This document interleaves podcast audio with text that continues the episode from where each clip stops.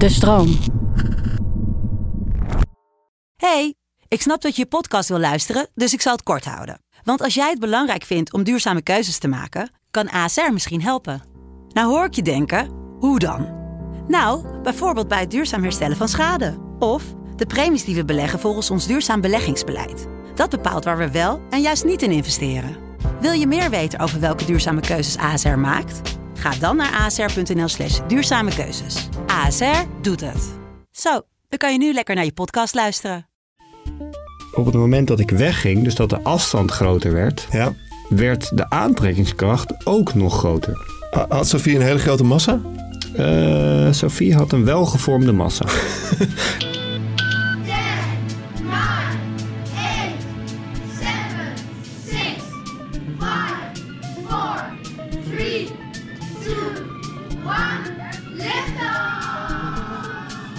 Je luistert naar Bert ziet sterren seizoen 2, waarin ik, Tim Meijer, samen met mijn beste vriend en promovendus theoretische natuurkunde Bert, weer een duik neem in de wonderenwereld der natuurkunde. En zo is het maar net. Eh, ik ben Bert en eh, Tim gaat mij weer eh, doorzagen met...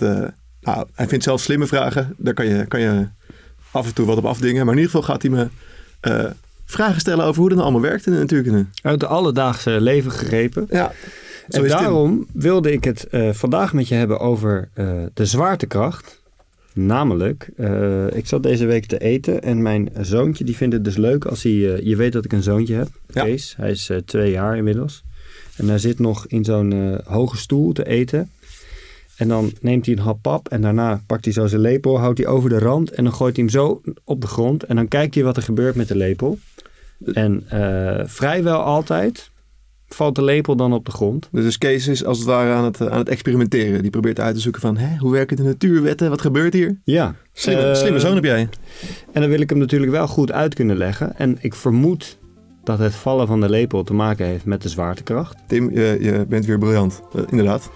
Maar als je me vraagt hoe werkt de zwaartekracht, dan heb ik geen idee. Dus ik dacht, laat ik eens aan mijn goede vriend en promovendus theoretische natuurkunde, Bert, vragen. Wat is zwaartekracht? Nou, daar, eh, daar kan ik wel wat op antwoorden. Zwaartekracht is de aantrekkende kracht tussen voorwerpen die een massa hebben. Het is een universele kracht, dus alles wat een massa heeft, dat ervaart, ondervindt zwaartekracht. Ehm, en zwaartekracht komt dan eigenlijk voort uit een, een zogenaamd veld, een zwaartekrachtsveld, eh, waarin alles in het universum eh, is ondergedompeld. En wat bepaalt de aantrekking van die dingen? Ehm, nou, dat hangt af van een aantal dingen. Eh, het belangrijkste is de massa van die dingen die er zijn, van die objecten. En daarbij geldt, eh, hoe meer massa er is, hoe groter de zwaartekracht is tussen twee objecten. Belangrijk om nog te weten hierbij is dat massa een eigenschap is van de hoeveelheid materie die een ding heeft. En daarmee is het universeler dan gewicht, want gewicht wordt juist bepaald door de aantrekking van de zwaartekracht. Daarom is het ook zo dat je op een andere planeet een ander gewicht hebt, maar wel altijd dezelfde massa. Dus eh, als ik jou zo zie, dan weeg jij meer. Wat weeg jij? Eh, laten we het houden op 80 kilo. Maar eh, ik, ik, weet, ik, ik ga echt niet zo vaak op de weegschaal staan, Tim. Dus ik. Dat zou ik ook niet doen. Ik weeg 68 kilo. Oh, nou, gefeliciteerd. Dankjewel. Dus eigenlijk trek jij harder aan, voel ik mij meer aangetrokken tot jou dan jij tot mij. Ehm, zo zou je het ook kunnen zeggen. Voelt dat ook zo voor jou?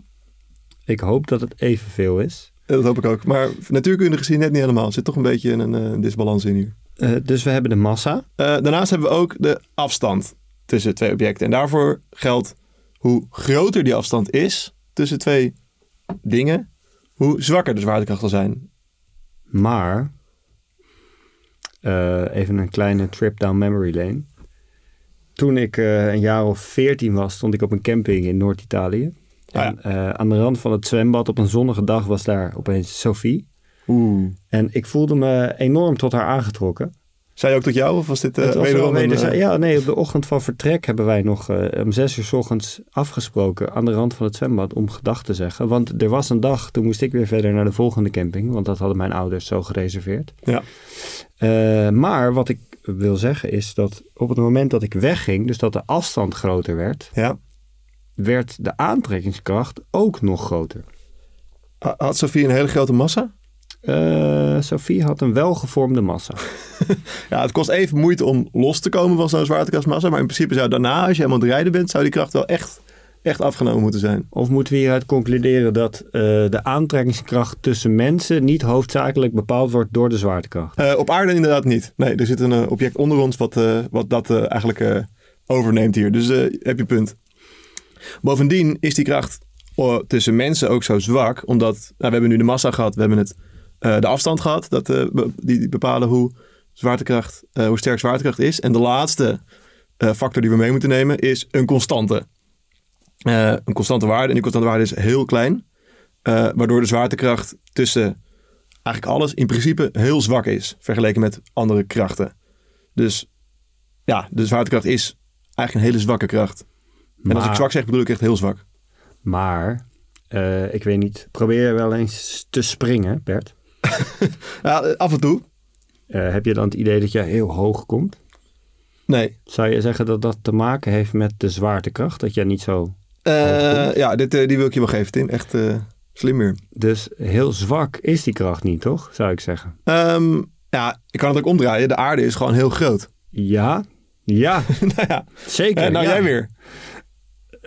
Wat heeft dat hiermee te maken? Nou ja, dat ehm, in principe voor een stukje massa, zoals wij tweeën, eh, is de zwaartekracht verwaarloosbaar klein.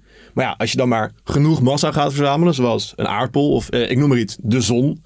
Ja, dan eh, gaat die zwaartekracht wel een rol spelen inderdaad. Want dan heb je zoveel massa dat er vanzelf wel een... nou, dat je het vanzelf gaat merken. Kun- je uitrekenen wat de zwaartekracht tussen jou en mij is? Ja, dat moeten we kunnen. We, hoeveel eh woog je ook alweer? 68 kilo. Nou ja, nou laten we mij even op 80 houden. Daar gaan we het toch verder niet meer over hebben. Eh 68 keer 80. Dan hebben we die constante, die is 7, ongeveer 7 keer 10 tot de min 11e. Eh, afstand tot zon, zover zitten we nu van elkaar? Een nette anderhalve meter natuurlijk. We hebben nog de coronamaatregelen in onze, in onze vezel zitten. Ehm, wacht even, ja. Dan eh 2 maal 10 tot de min 7 newton. Dat is de zwaartekracht die wij nu eh, om en nabij op elkaar uitoefenen. Dat zegt mij niks. Ehm, eh, noem eens iets wat voor heel weinig kracht kost. Eh 100 kilo bankdrukken. Tim, je bent zo macho. Ah, ongelooflijk. Ehm, Oké, eh, nou ja, ik zit even te denken. Stel je hebt een zandkorrel die je gaat, die, die je gaat optillen. Dat kost nog ongeveer 100 keer zoveel kracht dan de kracht die er nu tussen ons eh, speelt hier. Dus dat is wel echt wel weinig. Dat is niet veel. Dus inderdaad helemaal niet veel. Maar dat er dus zwaar is om een berg op te fietsen of om heel hoog te springen, dat, ma dat is gewoon alleen maar omdat de aarde onvoorstelbaar gigantisch veel massa heeft. Ja, exact. Eh, net zoals de reden dat de aarde om de zon blijft draaien ook is omdat de zon nog weer meer massa heeft. Anders had de zon wel om de aarde gedraaid. Zoals, hè, hoe heet het ook alweer, dat ding wat om de aarde draait? De maan. Kijk, ja, ik zag je even choken van, oh nee, nu moet ik het wel goed zeggen. Inderdaad, de maan. Eh, dus zo, eh, zo gaat dat. Dus eh, zwaartekracht. Ik, val, ik val het vast even samen. Hè? We Ja. moeten zo die lift in. Ja. Eh, we hebben te maken met eh, massa, Ja. afstand en een constante. Ja. Dus ik, daarmee, begrijp ik daarmee hoe de zwaartekracht bepaald wordt? Ja, we willen even bij zeggen dat het dus de massa zijn van allebei die objecten. Mhm. En dat de afstand in het kwadraat gaat in deze vergelijking. Dus dat het...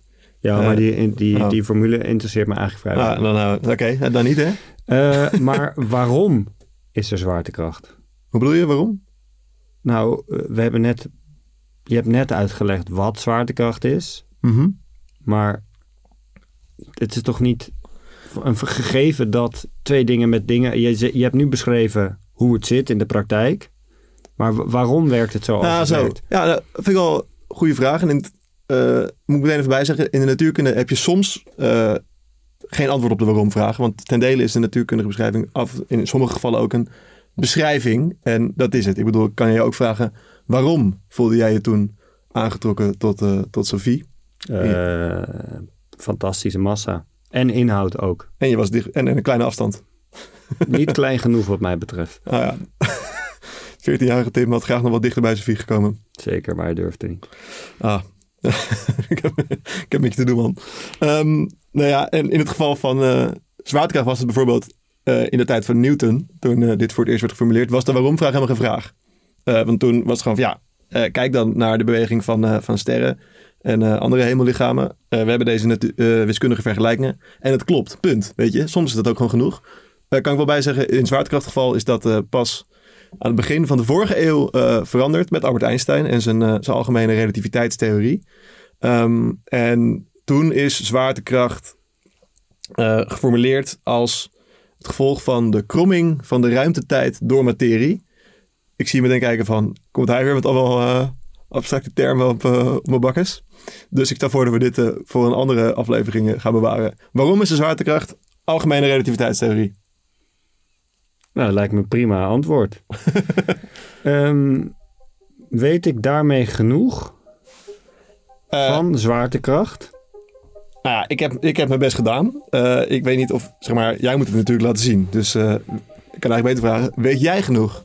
Denk je dat? Nou, ik ga eens even op mijn Supersonic Sports Watch de tijd aanzetten.